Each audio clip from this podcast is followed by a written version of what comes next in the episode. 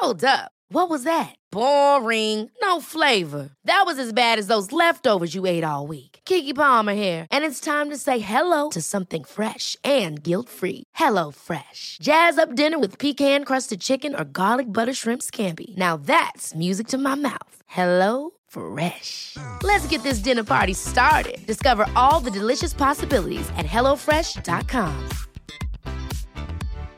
One size fits all seemed like a good idea for clothes Nice dress. Uh, it's a it's a t-shirt. until you tried it on. Same goes for your healthcare. That's why United Healthcare offers a variety of flexible, budget friendly coverage for medical, vision, dental, and more. So, whether you're between jobs, coming off a parent's plan, or even missed open enrollment, you can find the plan that fits you best. Find out more about United Healthcare coverage at uh1.com. That's uh1.com. Hey, I'm Ryan Reynolds. Recently, I asked Mint Mobile's legal team if big wireless companies are allowed to raise prices due to inflation. They said yes. And then when I asked if raising prices technically violates those onerous two year contracts, they said, What the f are you talking about, you insane Hollywood ass? So to recap, we're cutting the price of Mint Unlimited from $30 a month to just $15 a month. Give it a try at mintmobile.com slash switch. $45 upfront for three months plus taxes and fees. Promo for new customers for limited time. Unlimited more than 40 gigabytes per month. Slows. Full terms at mintmobile.com.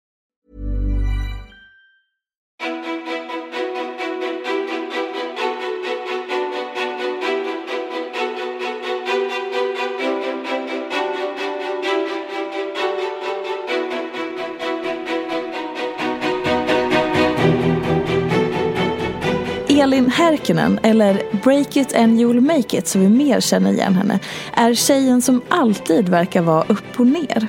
På Instagram postar hon bilder och videos där hon står och går på händer, gör akrobatiska positioner på de mest hisnande ställen och avancerade parövningar med sin kärlek Paolo Roberto. Hon vann nyligen Årets förebild på Guldhjärtat. Hon har nästan 30 000 följare på Instagram och lanserade nyligen projektet Jakten på Paulos vingård på Youtube.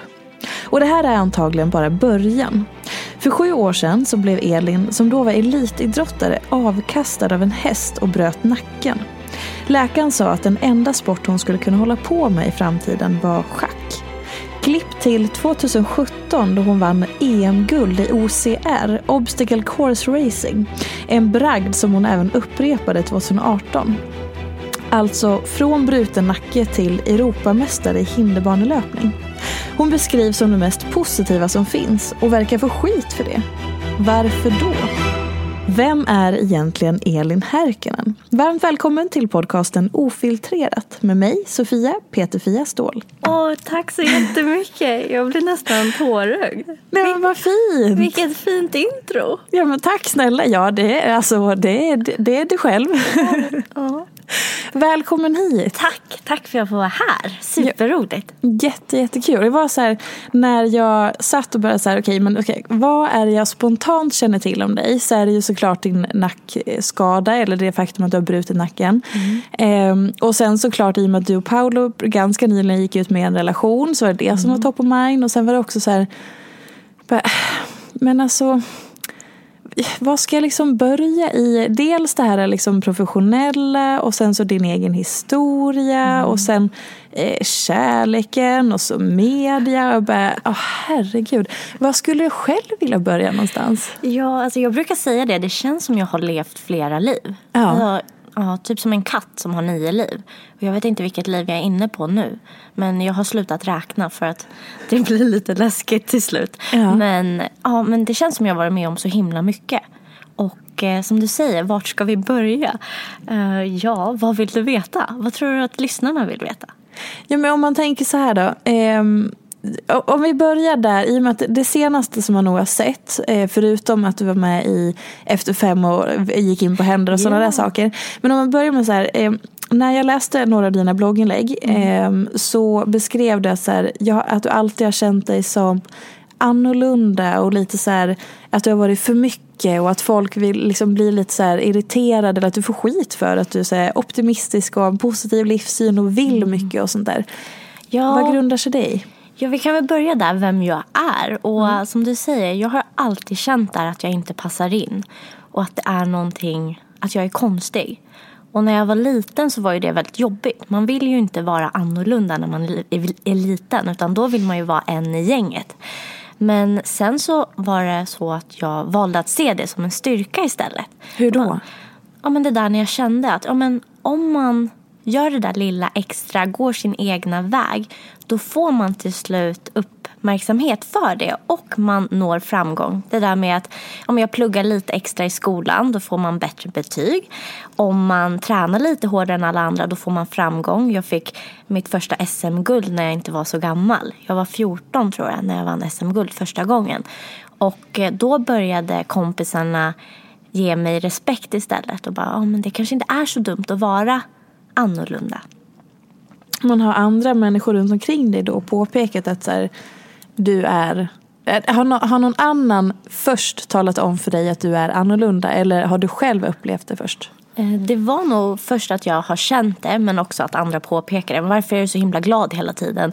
Hur kan du vara så morgonpigg och driven? Vad är det som motiverar dig?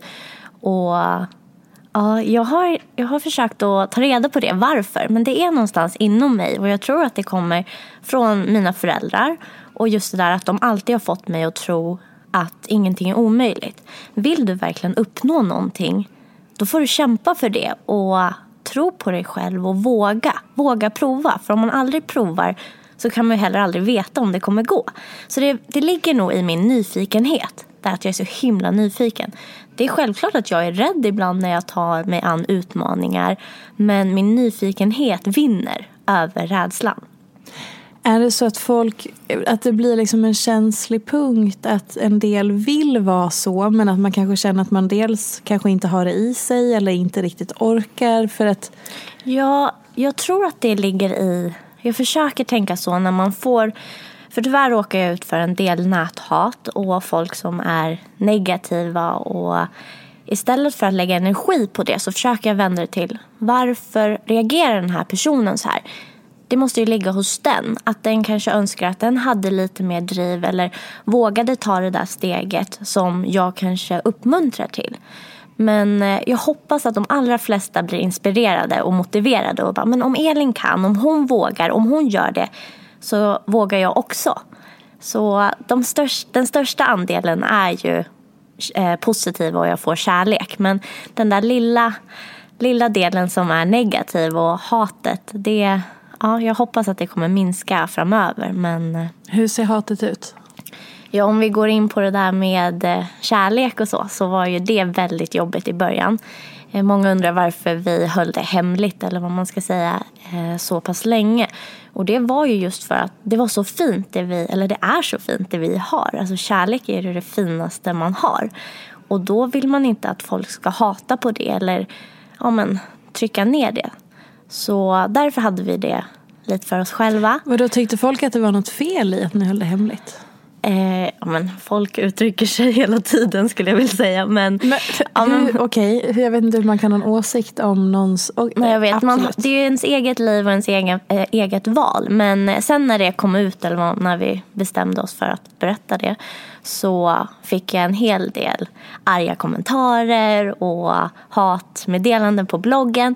Men på min blogg, så ja, breakitandyoumake.com mm. om någon vill eh, läsa den, så har jag alla kommentarer Eh, Eh, de kommer inte upp direkt utan de kommer till mig. Just för att jag vill inte att andra ska lägga energi på negativa saker eller läsa när någon hatar. Utan Paolo har lärt mig också det där, radera, blockera, bort. Alltså lägg inte energin på de som hatar. För att det kommer alltid finnas den andelen människor. Så att man fokuserar, precis som jag gör med allt annat i livet, fokuserar på det positiva, det som är bra. Och inte slösa energi på människor som inte mår så bra. Och när ni berättade om det, för ni, väl, ni, valde, ni höll det hemligt i nästan ett år. Ja. Eh, och hur, liksom, för jag har läst i några så intervjuer och så att det var mycket kring att så här, jag antar att Paolo som har varit i media i typ hela sitt vuxna liv, han kan ju det där som rinnande vatten att eh, han visste lite innan det hände vad som skulle hända kan jag ja. tänka mig. Hur var det när ni väl berättade då? Var det så som ni hade befarat att folk skulle reagera eller? Han fick faktiskt mest eh, ja, men, bra kommentarer och så här, åh men gud vad roligt, ni är perfekta för varandra, lika knäppa, lika galna. Ja. Och jag fick också mest det. Men eh, sen den Förlåt, där, vi ska lägga till att det finns en åldersskillnad mellan er Ja. och det är väl det som folk reagerar på i så fall. Alltså i och med precis. att eh, det kanske inte är i normen, eller vad man ska säga, i våra trångsynta samhälle. Ja. Det, är det 25 år mellan er?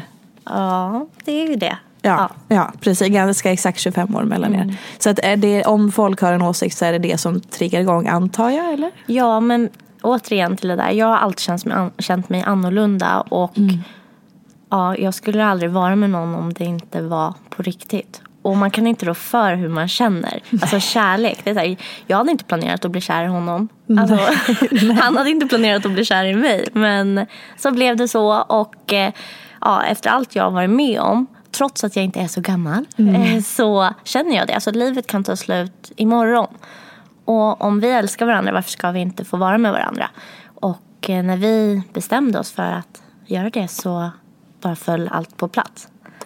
Jag pratar mycket med mina gäster om det. Just att vi lever i ett samhälle som är så på många sätt så här, eh, vad ska man säga, trångt. Alltså det är... Men man ska göra på ett visst sätt. Det ska vara så Verkligen. här. Du ska gifta dig när du är så gammal, skaffa barn, köpa villa, Volvo, hundar. Men om man inte vill leva så. Alltså, man ska göra det som man själv mår bra av. Alla är olika och vi har fått det här livet. Gör det som du mår bra av. Strunta i vad alla andra tycker och tänker. Och det pratar jag jättemycket om när jag föreläser. Här, varför ska du göra något som alla andra tycker att du ska göra eller förväntar sig av dig. Om inte du mår bra av det, vad är det du vill? Ibland måste man bara stanna upp och fråga sig själv. Vad vill du? Vad får du dig att må bra? Och det gjorde ju jag verkligen när, ja, men, när jag blev kär. Men, och det, blir, det, är så här, det är på ett sätt så himla självklart men det är ju också typ det svåraste som finns i och med att det är så starka krafter i alla de här normerna. Och som bara det att så här, ni blir kära och ni vet att ni måste ha en strategi för att ni ska hantera folks Alltså, kommentarer. sjukt eh, reaktioner. Det är helt sjukt att det är så. Men jag förstår ju verkligen. Men okej, men eh, om vi bara så här, backar tillbaka till och säga att du alltid känt dig annorlunda och så. Eh, hur har det här för, liksom varit med dig? För det är en sak att säga eh, att, man, så här, att man känner sig annorlunda så och så gå sin egen väg. Men hur vågar man, orkar man, liksom blir man stark i att våga stå kvar i sig själv. För jag upplever att det enda som vi får lära oss nu för tiden, eller kanske alltid, är att vi ska liksom pressas utanför oss själv hela tiden. För att vi får så jävla mycket intryck och det är värderingar och man ska vara likadan och det är jämförelse och allting. Hur har du liksom varit stark i din väg? Ehm, Jag har mycket att tacka för elitidrotten. För det, jag började träna när jag var tre år och sen bara eskalerade det och blev elitidrottare ganska tidigt. Och man blir väldigt stark mentalt. Just där att pusha sig själv och att våga sätta gränser och övervinna rädslor. Och det har verkligen stärkt mig redan från, ja men när jag var 12 år var jag tränare för vuxna. Eh, Och de lyssnade på mig och hade respekt för mig för jag hade kunskapen. Och bara det att, okej, jag kan det här, jag vet vad jag pratar om. Och då bygger man ju självkänsla och självförtroende. Så det är mycket elitidrotten och sen stöd från föräldrar och familj. Att ja, men, våga göra sin egna grej. Så även fast det är jobbigt att gå till höger när alla andra går till vänster så gjorde jag det. Inte alla gånger. Ibland så faller man för grupptrycket men sen kommer man till det där. Men jag vill ju inte det här så varför gör jag det? Och varje gång man har fallit så lär man sig ju någonting. Så många ser ju när man ett misstag eller ett snedsteg som ett ja, men misslyckande. Men det är ju då man lär sig. Så istället för att se det som ett misslyckande när man har tagit ett snedsteg, se det som en lärdom. Ja, men vad lärde jag mig av det här? Jo, att jag vill gå min egna väg. Jag ska inte lyssna på vad alla andra tycker. För att jag mår inte bra av det. Till exempel det här, jag går inte ut på krogen och festar och dricker en massa alkohol. För att jag vet att jag mår inte bra av det. Det är så här, jag tycker det är jättekul att dansa och gå ut med mina kompisar. Men jag behöver inte dricka en massa alkohol. Jag kan ha kul ändå. Och jag som redan är en väldigt energisk person med mycket energi behöver inte eh, få extra, en extra kick. Och då istället för att falla för grupptrycket så har jag valt att nej men jag mår bättre så här. Imorgon mår jag bra, jag kan gå till gymmet tidigt på morgonen, jag kastar inte bort en hel dag. Så ja. Vad har du lärt dig på senaste tiden? Oj. Om vi kopplar det till eh, vad människor tycker om en. Men återigen det här att inte, inte ta till sig av de som hatar. För det är så enkelt. Det är samma det här, det typiska. Man får massor med beröm, eh, lovord och så får man en negativ kommentar. Mm. Det är så lätt att den fastnar. Eller att någon bara har sagt någonting. Det är så lätt att man fastnar och hjärnan spinner vidare på den negativa saken. Men istället bara, nej men okej, vad grundar det här sig i? Varför reagerar jag så här? Har den här personen rätt? Eller är det bara någon som försöker trycka ner mig för att den själv ska må bättre? För oftast är ju det, de som trycker ner, det är ju de som mår dåligt själv och vill att de andra ska komma ner till samma nivå. Mm. Tyvärr. Så men eh, ska man stänga ute allt negativt? Nej, det tycker jag inte heller. Nej. Alltså, det här med radera, blockera bort, absolut. Men för om man svarar också, då matar man ju personen mm. med så här, åh, nu fick jag hennes uppmärksamhet, nu vill jag fortsätta. Så jag tycker inte man ska svara och lägga energi på om det inte är någonting som man känner att man vinner på själv. Om jag känner att okej, okay, men jag vill bara tala om för den här personen att du känner inte mig. Hur kan du skriva så här när du inte vet vem jag är som person? Mm. Men ja, jag vet, det är svårt, det är svårt. Men det där jag har faktiskt, när jag får någonting som jag, men hur kan du säga så här? Då har jag tagit upp det ibland på bloggen mm. som ett ämne. Och folk, alltså jag får så mycket folk bakom mig som bara, hur kan den här personen, jag nämner ju absolut inga namn, men ändå det är, det är bra att skapa så dialoger ibland mm. om viktiga ämnen som psykisk ohälsa eller folk som säger att jag har slutat träna och bara äter pasta och pizza nu mm. mera. Men eh, så är ju inte verkligheten. Men folk hittar alltid någonting. Vadå, säger de att du har gjort det? Ja, ja. Jag eh, tävlade ju på elitnivå 2017 och 2018. Ja. Och sen kände jag att eh, min kropp började ta, ta stryk. Eftersom jag har fortfarande men från min brutna nacke.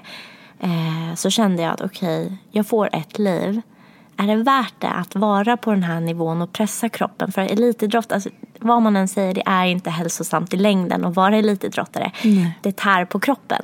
Och jag kände att nu börjar kroppen säga ifrån. Vill jag det här? Vill jag fortsätta pusha? Det absolut lättaste för mig hade varit att fortsätta träna tre, fyra timmar om dagen och verkligen maxa. Men jag kände att det är inte det livet jag vill leva. För att jag har gjort det, jag har varit bäst, jag har fått mina guldmedaljer. För vem gör jag det? Och återigen det där, lyssna inte på alla andra. Mm. Folk bara, men hur kan du sluta tävla när du är bäst? Mm. Ja, men jag måste lyssna på kroppen. För annars, är, annars lever jag ju inte som jag lär heller. Jag vill ju vara en förebild. Så då tog jag den utmaningen att, okej, okay, ingen mer elitidrott nu, jag tar en paus. Och så blev jag kär och jag vill lägga mer tid på mitt förhållande, min familj, mitt företag och få det att växa. Jag kan tävla i att vara businesswoman nu istället. Men eh, återigen det där med att lyssna inte på de andra. Men då i alla fall så fick jag ju, om vi kommer tillbaka till det vi pratade om, mm, ja. att eh, åh, nu har du slutat, har du gett upp, eh, ger upp eh, träningen för att du har blivit kär och nu äter du bara pizza och pasta och nu har du blivit, blivit tjock. Alltså jag får, ah, ja, det är åh, så. herregud. Och då blir jag så här, men hur kan du skriva så här? Jag mm. tränar, jag jobbar, jag äter pasta och pizza ibland men inte varje dag. Jag försöker ju verkligen stå för den här äh, balans, balanserade livsstilen. Och så får jag sådana kommentarer. Man blir nästan mörkrädd. Mm. Men då, jag tar ju inte åt mig. Jag blir mer ledsen.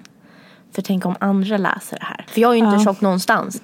Jag är bara glad att jag ser lite mer hälsosam ut nu när jag låter min kropp vila lite mer mellan träningspassen och inte köra på på elitnivå. Och om vi går till, till grundkärnan för det. För som sagt, ja. du har ju alltid varit liksom, eh, elitsatsande och använt din kropp och tränat och tävlat och alla de sakerna. Och sen hände det där. För de som inte känner till din historia, kan du berätta lite grann? Ja, så jag var gymnast redan från tre års ålder och sen tog jag det vidare till gymnastik på hästar. Det är inte en jättestor sport utan det är ett voltige och man kan lätt förklara det som gymnastik på hästar som springer. Och då levande hästar, alltså djuret som springer. Mm. Och eh, lite en blandning av dans, gymnastik och ridning. Så man kör program i handståenden, volter, hjulningar på hästen med musik och dräkt och smink. Så det är en väldigt artistisk sport. Och eh, kräver otroligt mycket styrka, rörlighet, balans och ja, många mm. timmars träning. Så det blev ju mitt liv redan från 11-12 års ålder. Och sen tog jag det vidare till elitsatsning.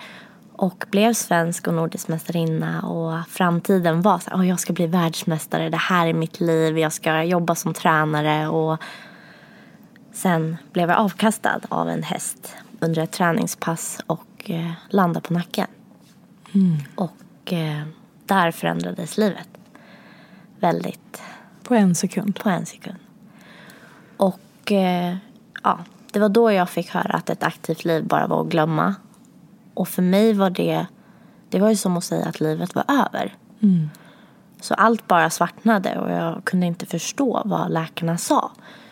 Men eh, någonstans så vägrade jag lyssna. Utan jag var så här, men hur kan du säga hur jag ska leva mitt liv? Träning är det jag har gjort sedan jag var så liten. Och det är det bästa jag vet. Jag vill inte leva ett liv utan det. Så redan då bestämde jag mig att jag ska motbevisa. Jag ska göra allt jag kan för att komma tillbaka till ett så aktivt liv som möjligt. Sen var det ju ingen som trodde att jag skulle ta mig tillbaka till elitidrotten igen. Men någonstans inom mig kände jag att jag ska försöka. Jag ska göra det omöjliga möjligt. Inte bara för min egna skull och för att jag älskar träningen utan för att motivera andra.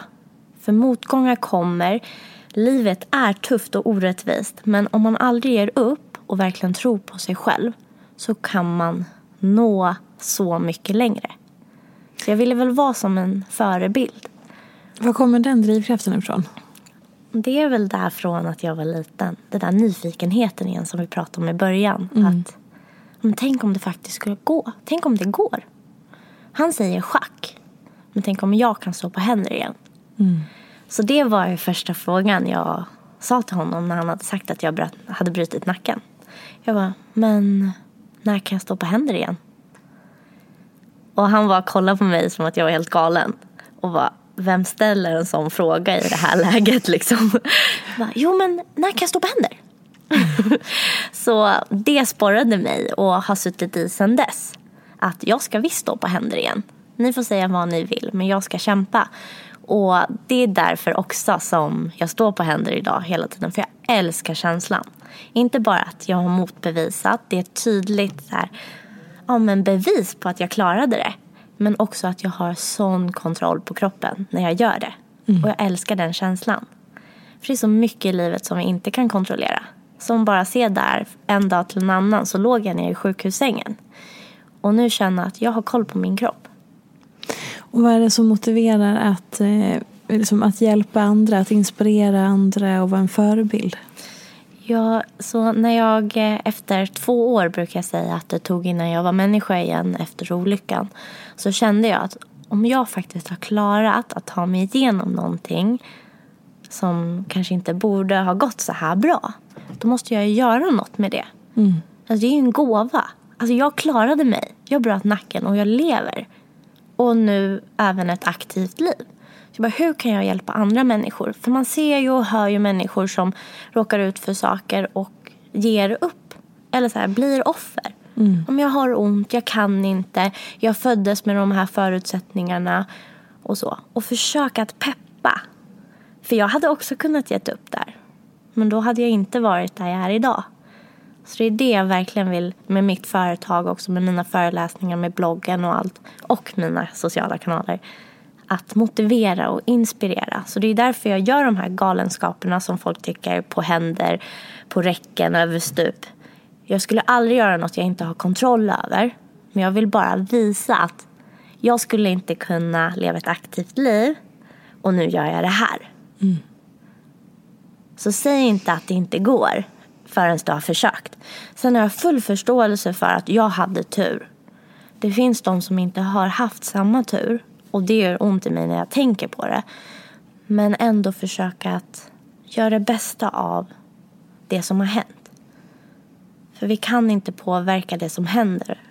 Men vi kan påverka hur vi hanterar det som händer. Förhållningssättet. Mm. Det är fan en, av, alltså en, en så viktig nyckel till välmående tror jag. Mm. Jag återkommer också till det hela tiden. Ja. Men och när du sen var, du sa att du, du blev, du, det tog två år innan du blev människa. Ja, Vad pågick i, un, i dig under de här två åren? För jag kan, även om du har en fallenhet för att vara naturlig och optimist, eller vad säger jag, natur, positiv menar jag, Mm. positiv och eh, optimistisk och så, så finns det väl dagar där du känner tvärtom? Ja, absolut. Och det är också det som jag vill visa nu när vi pratar ofiltrerat med mina kanaler. Jag försöker alltid att vara positiv. Men jag har också dagar när jag har så galet ont i nacken och jag har problem med min vänstra arm. Så självklart har jag också dagar när jag inte är på topp. Och jag kan gråta ut och jag kan vara arg och frustrerad. Men jag låter inte det ta över hela mitt liv. Jag låter inte det bli min verklighet. Utan okej, nu är det så här.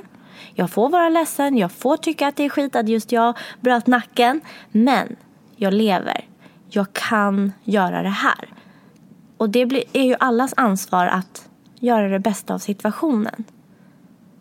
Så det är också viktigt där att man ska tillåta sig att vara ledsen men inte fastna där. How would you like to look five years younger? In a clinical study, people that had volume added with Juvederm Voluma XC in the cheeks perceived themselves as looking five years younger at six months after treatment. Look younger, feel like you. Add volume for lift and contour in the cheeks with Juvederm Voluma XC. Reverse signs of aging by adding volume to smooth laugh lines with Juvederm Volure XC. For important safety information and to find a licensed specialist, visit juvederm.com. That's J U V E D E R M.com. Not for people with severe allergic reactions, allergies to lidocaine, or the proteins used in Juvederm. Common side effects include injection site redness, swelling, pain, tenderness, firmness, lumps, bumps, bruising, discoloration, or itching. There's a risk of unintentional injection into a blood vessel, which can cause vision abnormalities, blindness, stroke, temporary scabs, or scarring. Talk to a licensed specialist to find out if it's right for you. Imagine the softest sheets you've ever felt. Now imagine them getting even softer over time. That's what you'll feel with Bowl and Branch's organic cotton sheets. In a recent customer survey, 96% replied that Bowl and Branch sheets get softer with every wash. Start getting your best night's sleep in these sheets that get softer and softer for years to come. Try their sheets with a 30-night guarantee. Plus, get 15% off your first order at bowlandbranch.com. Code BUTTERY. Exclusions apply. See site for details. Hey, it's Ryan Reynolds, and I'm here with Keith, co star of my upcoming film, If, only in theaters, May 17th. Do you want to tell people the big news? All right, I'll do it. Sign up now and you'll get unlimited for $15 a month and six months of Paramount Plus Essential Plan on us. Mintmobile.com slash switch. Upfront payment of $45 equivalent to $15 per month. Unlimited over 40 gigabytes per month. Face lower speeds. Videos at 480p. Active Mint customers by 531.24 get six months of Paramount Plus Essential Plan. Auto renews after six months. Offer ends May 31st, 2024. Separate Paramount Plus registration required. Terms and conditions apply if rated PG. There's never been a faster or easier way to start your weight loss journey than with PlushCare. PlushCare accepts most insurance plans and gives you online access to board-certified physicians who can prescribe FDA-approved weight loss medications like Wigovi and Zepbound for those who qualify. Take charge of your health and speak with a board-certified physician about a weight loss plan that's right for you. Get started today at plushcare.com slash weight loss. That's plushcare.com slash weight loss. plushcare.com slash weight loss. Är det, är det naturligt för dig att, här, att alla känslor har samma värde eller får ta samma plats?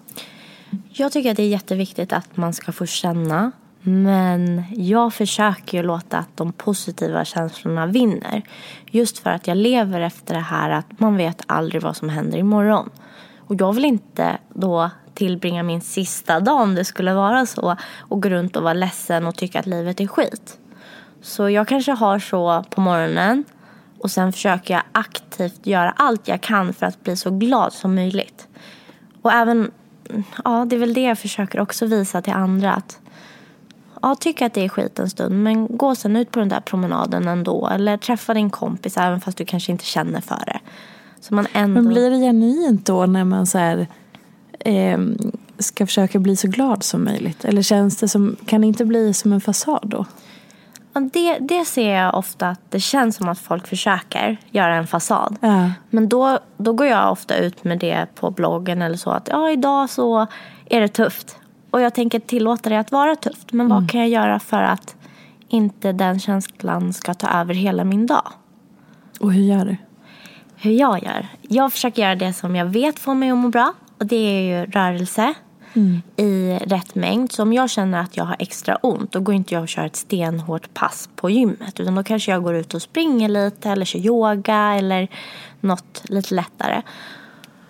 Träffar någon kompis, fikar, myser i soffan med min kärlek. Jag vet inte, men bara göra det som boostar. Ibland kan det hjälpa att gå på ett boxningspass och bara slå ut frustrationen och bara ah. och sen mår man bättre. Skriva om det på bloggen. Prata med andra som delar samma känsla just den dagen.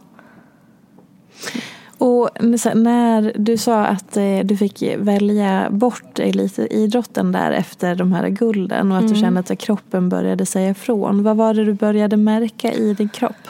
Jag började märka att eh, min livskvalitet försämrades. Och med det menar jag att jag hade ondare i kroppen. Jag hade mindre energi, jag blev lätt irriterad. Jag hade inte samma ork till min relation, mina vänner, min familj. Utan jag valde bort det. Och elitidrott, ja man måste offra vissa saker för att bli bäst. Så är det ju oftast. Men jag vill inte göra det längre. För jag kände att jag har gjort det så många år. Och nu vill jag ha ett annat fokus i livet. Och det känns faktiskt väldigt bra idag. Och lite vuxet och moget beslut. Även om det fortfarande är svårt. Jag tycker ju fortfarande att jag är elitidrottare i mitt hjärta. Liksom. Jag skulle gärna träna liksom, sex timmar om dagen och satsa för ett VM. Men eh, jag tänker att jag ska låta kroppen få återhämta sig lite. För jag kände också, jag har en nervskada ute i vänster arm. Och eh, den blev värre och mer smärta och jag kunde inte träna som jag ville. Och ja, visa övningar på jobbet. Liksom. Jag jobbar som tränare. Måste ju kunna sköta mitt jobb. Jag kan ju inte ligga i sängen efter en tävling för att har så pass ont i kroppen. Då är det någonting som inte står rätt till. Var det ett tufft beslut att ta? Ja, det är fortfarande tufft. Det är det? För just det där att jag fick ju gå igenom det redan en gång. Jag var elitidrottare, jag trodde att jag skulle bli världsmästare i ja, gymnastik på hästar. Och sen togs det bort. Och så fick jag gå igenom det, den där mörka perioden med identitetskris. Kris. Eh, vad ska jag göra med livet? Kommer jag kunna leva ett aktivt liv? Allt det där. Och sen komma tillbaka. Och sen bestämma sig att nej, men nu ska jag inte göra det igen. Så det var ju så här, nu måste jag gå igenom det igen. Men kändes det annorlunda för att det var ditt egna beslut andra gången? Ja. Och att jag har lärt mig så otroligt mycket på första resan.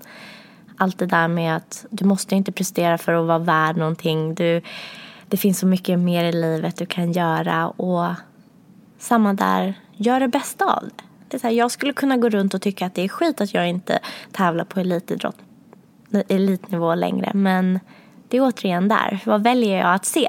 Väljer jag att se att oh, men nu får jag mycket mer energi och tid att satsa på mitt jobb. Gud vad bra. Eller går jag och tänker på åh nu skulle jag vilja gå och träna igen. För det var min nästa fråga om eh, prestation. Så här, Vad är din, eh, din relation till prestation? Och sen så slog du mig när du pratade. För du sa i början att här, dina eh, föräldrar alltid uppmuntrat dig till att så här, du kan göra vad du vill. Och att man behöver liksom börja kämpa för det man vill ha. Eh, det kan jag tänka mig är ett fantastiskt stöd. Att så här, jäkla boostande att ha det med sig. Men att det också är en hårfin, hårfin gräns för att det blir väldigt mycket prestation i det. Eller? Ja, jag har alltid varit en sån högpresterare och vill alltid prestera på topp. Och det är någonting i mig som jag är tacksam att jag har. För annars hade jag inte nått framgång och ha flera projekt och företag på gång nu. Men det är som du säger en hårfin gräns att ändå tillåta sig att ta ett steg tillbaka och ja, men du behöver inte träna två gånger idag eller du behöver inte alltid vara bättre än alla andra, träna hårdare än alla andra eller vad det nu kan vara. Men det är någonting jag också har fått lära mig. För förut var jag ju sådär, jag måste alltid göra lite mer, mm. lite bättre. Sova lite mindre. Och liksom, när får du liksom slåss lite med dig själv för att det inte då ska bli för mycket i det? Ja, alltså man lär sig ju hela tiden och det är det jag tycker att livet är så spännande. Att det är en resa. Vi lär oss om oss själva, om andra, om motgångar. Vi lär oss hela tiden. Mm. Och jag känner ju som ja, men för olyckan, hur jag hanterade det. Jag tycker inte att jag hanterade det på bästa sätt men jag var inte så gammal, jag var 18 år och hade inte levt så länge. Nu hanterar jag det mycket bättre om jag möter en motgång. Jag kan absolut känna igen beteenden. Jag vet hur jag fungerar när det blir jobbigt eller jag har mycket eller jag är ledsen eller någon i familjen drabbas. Men jag kan tidigare märka tecken typ på att jag vill stänga in mig, jag vill vara själv, jag isolerar mig från andra. Jag vill bara träna hela tiden för att inte behöva tänka och känna. Och förut så struntade jag i det och bara körde på, vilket inte blir så bra. Men nu kan jag vara lyhörd och bara, nej men Elin, nu, nu vill du gå och träna, men varför vill du gå och träna? Är det för att du vill fly och inte vill känna smärta? Eller är det för att du ska må bra? Mm. Så det försöker jag verkligen hela tiden att ta de bättre valen. Fan så var viktigt. Ja. Alltså den här ständiga dialogen med sig själv och sin kropp. Mm. Och varför? Varför vill jag ja. göra det här nu? Är det för att jag behöver det? Eller är det något annat som triggar mig? Mm. Och det känner jag i mitt jobb att många får hjälp utav. Att de har mig som personlig tränare och kan bolla tankar och känslor. Att varför känner jag så här? Kan du, alltså när, om du en dag känner så här, nu, nu måste jag börja gå och träna. Jag ska börja gå och träna. Och så märker du att så här, mm, vänta nu, jag vill göra det för att jag vill fly undan någonting. Eller så här, det här är inte en, sjö, en, en anledning som känns bra. Mm. Vad är det ofta som det grundar sig i då? Om den anledningen är, är det just smärtan? Eller vad är, det som, vad är det som du vill fly ifrån? Ja, det är ju det. Många ser ju inte det när man ser mig i sociala medier. Att jag har kronisk smärta från nacken. Jag är ju faktiskt delopererad. Mm. Vilket man kanske inte tror. Men, så jag lever ju med smärta. Men jag vet också att om jag tränar så ökar blodcirkulationen. Jag mår mycket bättre, jag får lyckohormon, jag blir gladare och piggare. Men det är en hårfin balans även där. Så jag får ju hela tiden prata med mig själv. Vill jag gå och träna nu för att jag vill fly eller är det för att må bra? Mm. Och vad gör du om du kommer fram till att det är att du vill fly till exempel? Då går jag och kör yoga istället. Eller går ut och springer eller göra något lite lugnare. Och känner mm. jag att nej men nu mår jag bra, jag vill bara träna för att jag älskar det idag. Då kan jag gå och köra ett tufft boxningspass eller vad det nu kan vara. Inom, vi kom in lite grann på att elitidrott är ju inte hälsosamt. Mm. Eh, och det är en diskussion som jag tycker är så fruktansvärt viktig. Jag, jag och Anna Haag när hon gästade pratade om det också i hennes avsnitt finns, om man bläddrar bak och vill lyssna på Anna Hags avsnitt så finns det. Det ska jag göra efter det här. Ja, eh, och vi pratade mycket om det att så här, det finns någon konstig föreställning om att elitidrott är hälsosamt eller att det är, ja men en, en det är liksom, det är ju hälsa. Eller så här, mm. och vi var så här, det är inte hälsosamt och det har ingen ambition. Det ska inte vara hälsosamt. Mm. Men det är som att man har klumpat ihop nu för tiden. Jag vet inte. Mm. Ju mer du tränar desto bättre. Ja, och att det, så här, det började kanske med fitnessinspirationen. Att så här, alla skulle börja, är man motionär som vi, de flesta av oss är som tränar. Eh, så här, skulle börja dela upp kroppen i olika, så träna ben och armar och triceps och biceps på tisdagar. Alltså lite inspiration från fitnessvärlden. Och äta och liksom. Och sen har det blivit som att man, elitidrott och hälsa hör ihop på något sätt. Men det är ju ett missförstånd. Det är ju inte så. Det ska, och det har inte ambitionen att vara hälsosamt elitidrott. Nej, alltså kroppen är väl inte gjord för att träna sex timmar om dagen och verkligen Nej. pusha till max och hela tiden ta risker och utmanas och så. Nej. Men Och du som har levt det livet, kan du berätta för oss om det är någon som lyssnar och som på något vis har fastnat i det här den fällan som många gör. Jag, jag tänker att det är så vanligt, så lätt att hamna där idag för att vi har en så här tvistad bild av träning som jag bland annat får från sociala medier. Att så här, vad är det som gör att elitidrott faktiskt inte är hälsosamt? Vilket inte ska vara. Det är olika saker. Ja, men alltså, kroppen behöver ju tid för att återhämta sig. Den behöver sova, den behöver ha ett visst antal timmar mellan träningspassen för att få ut optimal, ja men det man vill, fram, framgång liksom. Eh, men elitidrott, vi pushar ju hela tiden. Vi, när man tränar så där hårt, man bryter ju ner kroppen nästan till max för att sen vila och då få en rejäl skjuts. Men ja, om man är en vanlig motionär och vill bara må bra då ska man ju inte jämföra sig med en elitidrottare som tränar 13 pass i veckan. Utan kroppen mår ju som bäst. De allra flesta studier och forskning visar ju på att man mår bra om man tränar ja, men fem gånger i veckan kanske. Tre, fyra, fem. Beroende på vad man har för mål. Eller är också bara aktiv i sin vardag Ja, som aktiv, mycket. ja liksom. promenader. Ta, ta en promenad till jobbet istället för tunnelbanan. Alltså sådana enkla val. Så det försöker jag vara tydlig med på mina kanaler. att Jag har ju fortfarande svårt att bara, ska jag säga, att Mm. ta det lugnare. Att inte träna för mycket. Men det är för jag är uppväxt. Min kropp är van vid att träna sex timmar om dagen. Så jag vill ju inte att andra, jag vill inte uppmuntra andra till att träna två gånger om dagen.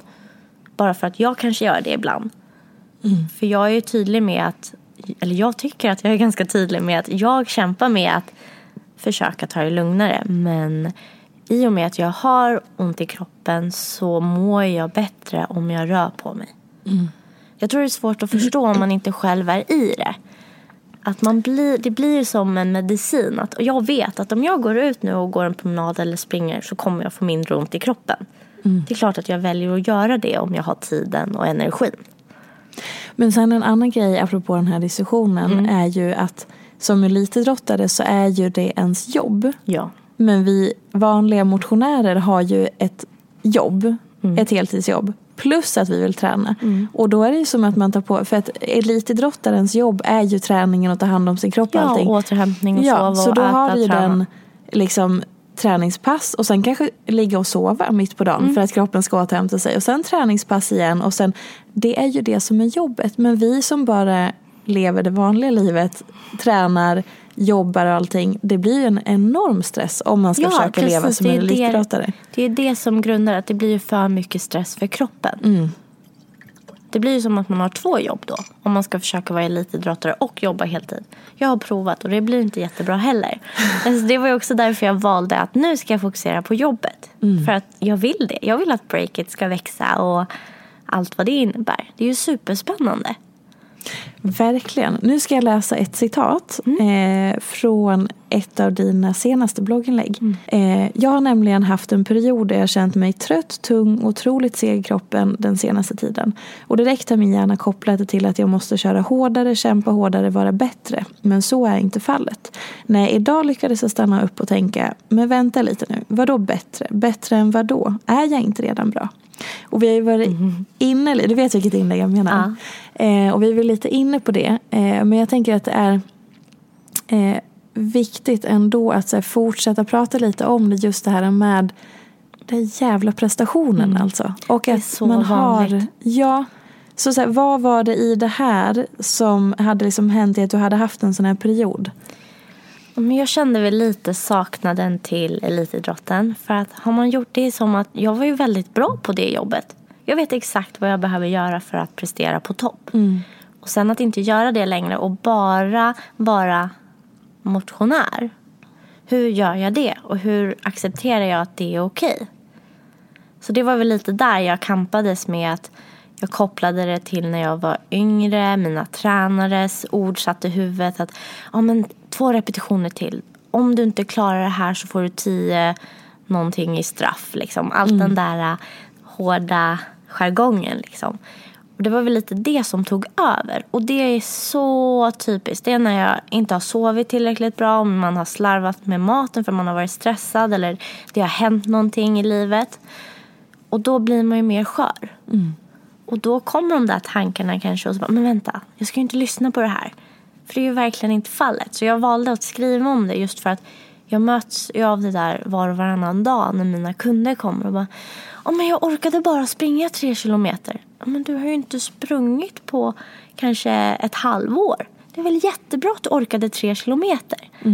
Att hela tiden, man vill alltid vara bättre. Och det är ju jättebra att man vill vara bättre. Men någonstans måste man också ge sig själv cred till att där man är och det man gör. Verkligen. Om vi ska gå tillbaka lite till eh, där vi började. Vi var ju inne lite på, alltså du och Paula har ju precis släppt, vad ska jag säga, släppt er relation fri om man får säga så. Det vill säga släppt ut att, så här, att ni har hittat varandra och att ni är kära. Ni har flera gemensamma projekt på gång och sådär. Ehm, hur är det, så här, för många andra så kan jag tänka mig att de tänker på eh, att det är en åldersskillnad mellan er. Men hur upplever ni det? Är det ens någonting som ni tänker på? Alltså, svar nej. Nej. Grejen är att jag hade ingen aning om hur gammal eller ung han var. Vilken Eller- siffra han har i sitt pass. Ja, exakt. Jag hade ingen aning. Nej. Och grejen är att han visste ju inte heller hur pass ung jag var förrän han googlade. Nej. Men eh, grejen är att man, ålder är bara en siffra. Som de allra flesta som jag träffar, de tror att jag är äldre än vad jag är. Och jag tror jag har mycket med att jag fick ta ansvar väldigt tidigt. Jag var min egna tränare. Jag har varit med om många tuffa saker i livet och tagit mig ur det. Man utvecklas väldigt mycket som människa då. Jag har bott utomlands. Jag har ja, men haft ansvar. Och jag tycker att det blir fel när man stirrar sig blind på en siffra. För det är ju livet och vad man har varit med om och hur man är som person som formar en. Man går miste om mycket när man sätter sig i fack så. Ja. Jag är för gammal för att ha sådär. Jag är för exakt. gammal eller jag kan inte. Ja men precis. Och samma, han är ju kanske yngre än vad han egentligen är. I både kropp och sinne liksom.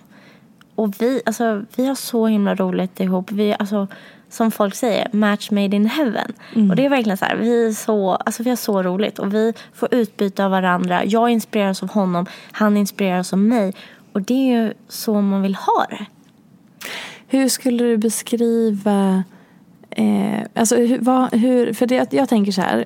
Eh, jag har en teori om att när man lär känna en ny person eh, oavsett om det är en kärleksrelation eller vänskap eller vad som helst så, så bygger man liksom någon slags grund i den relationen som sen följer med en ganska alltså Oavsett hur man utvecklas så, här, så, lä, så läggs ganska mycket i grunden av ens relation. Eh, och hur skulle du beskriva eran, liksom, eran grund? Alltså, vi började ju jobba ihop först eh, med träning. Och jag kom som en sidekick på hans träningsläger på hans hotell. Och sen märkte ju vi att shit vad bra vi fungerar ihop. Och så började vi träna ihop, köra acroyoga. Om folk som lyssnar har sett våra bilder på Instagram så är det acroyoga. Och vi kände att shit vad vi klickar just det där med acroyoga, det är också tillit och man måste läsa av varandra och ibland tappar man varandra och skrattar liksom. Eh, så vi bondade ju väldigt starkt, väldigt tidigt. Så han blev ju som en bästa vän. Och jag var så här, fan, sicken alltså. Varför är det åldersskillnad när jag då För du, reda du kände också att det var först? Ja, ja först Ja. reagerade jag. Såklart, för att det är så Ja, ingjutet. normen. Ja. Ja. men så här, jag får inte känna så här. Ja. tänkte jag först. Jag får inte känna så här. Det är inte okej. Och sen så men varför tänker jag så här? Jag får väl känna precis som jag vill. Och vad hände sen? Ja, sen fick jag reda på att han var kär i mig. Han tog första steget. Ja, Hur var det? tur var väl det. Hade du vågat? jag tror inte det. Eller jag vet inte. Jag hade ju blundat för det. Hade du stängt av? Ja. Varför jag, då? För jag var rädd att bli, jag vet inte. Jag är lite så. Också med det jag har varit med om så är det svårt att komma in på mitt liv. Jag lägger upp en mur liksom. Du släpper inte in folk? Nej. Men han är ju gammal proffsboxare så han boxade sönder den muren. Hur gjorde han det då? Ja, hur gjorde han det?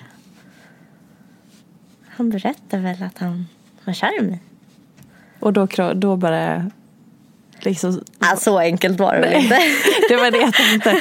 Men okej, så här, vad var, så här, om, när du säger så, för att jag upplever att många människor eh, säger ofta det, att så här, nej, men jag har svårt att släppa in folk och att man känner att man så här, av olika anledningar, för att hur livet har varit eller så, så får man en slags mur eller en integritet och att man har svårt att släppa in.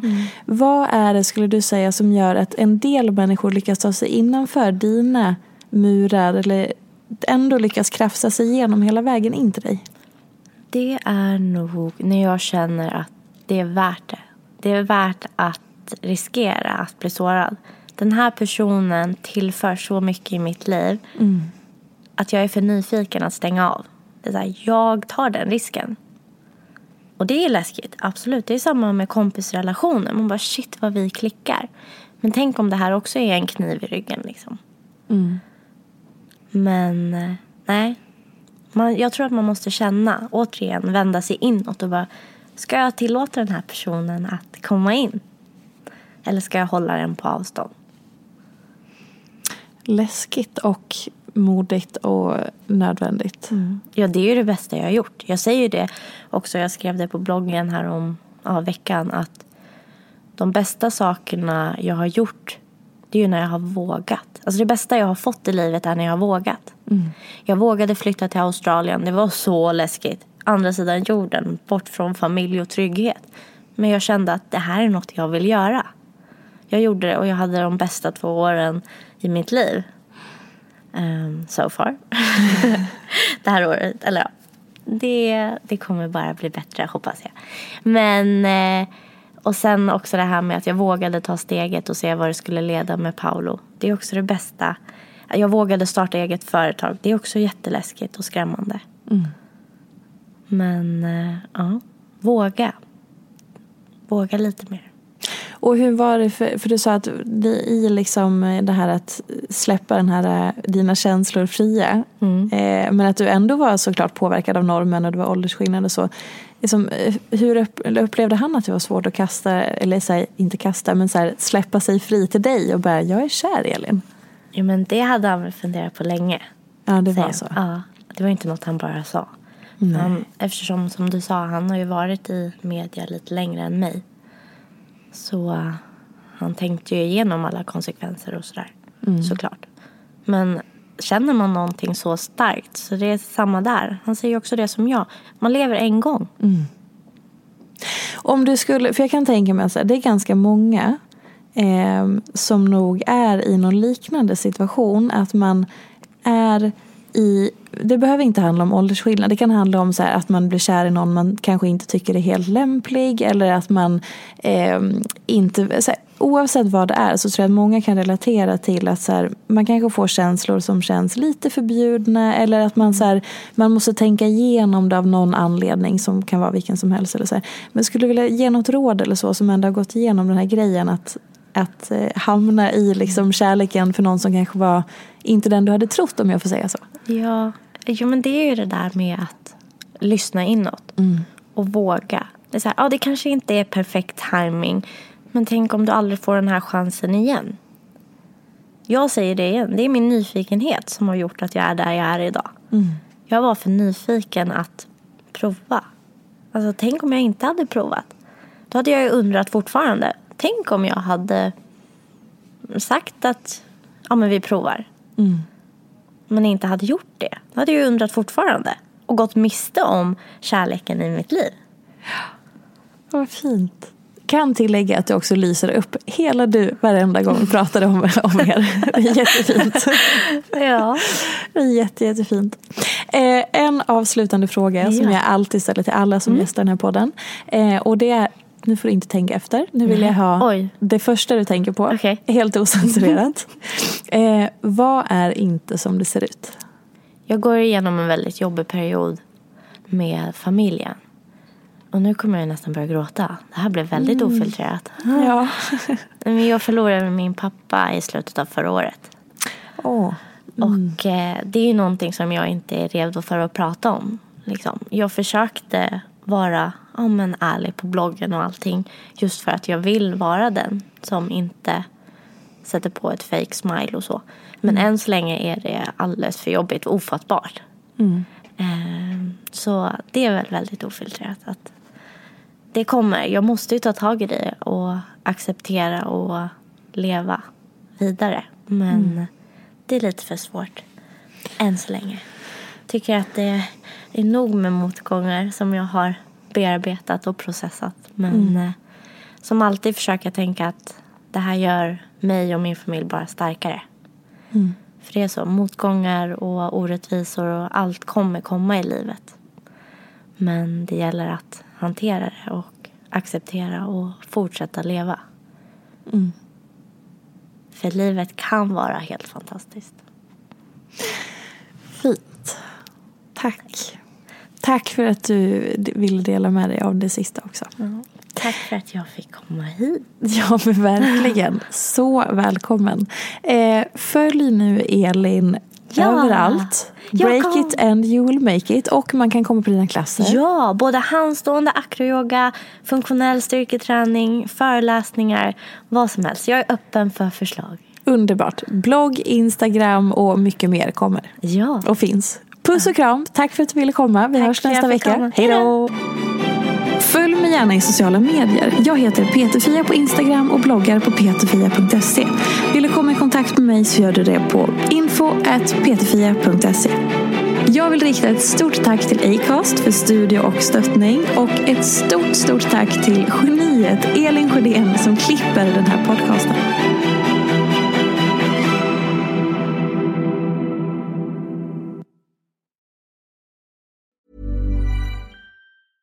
Imagine the softest sheets you've ever felt. Now imagine them getting even softer over time. That's what you'll feel with Bowl and Branch's organic cotton sheets. In a recent customer survey, 96% replied that Bowl and Branch sheets get softer with every wash. Start getting your best night's sleep in these sheets that get softer and softer for years to come. Try their sheets with a 30-night guarantee. Plus, get 15% off your first order at bowlandbranch.com. Code BUTTERY. Exclusions apply. See site for details.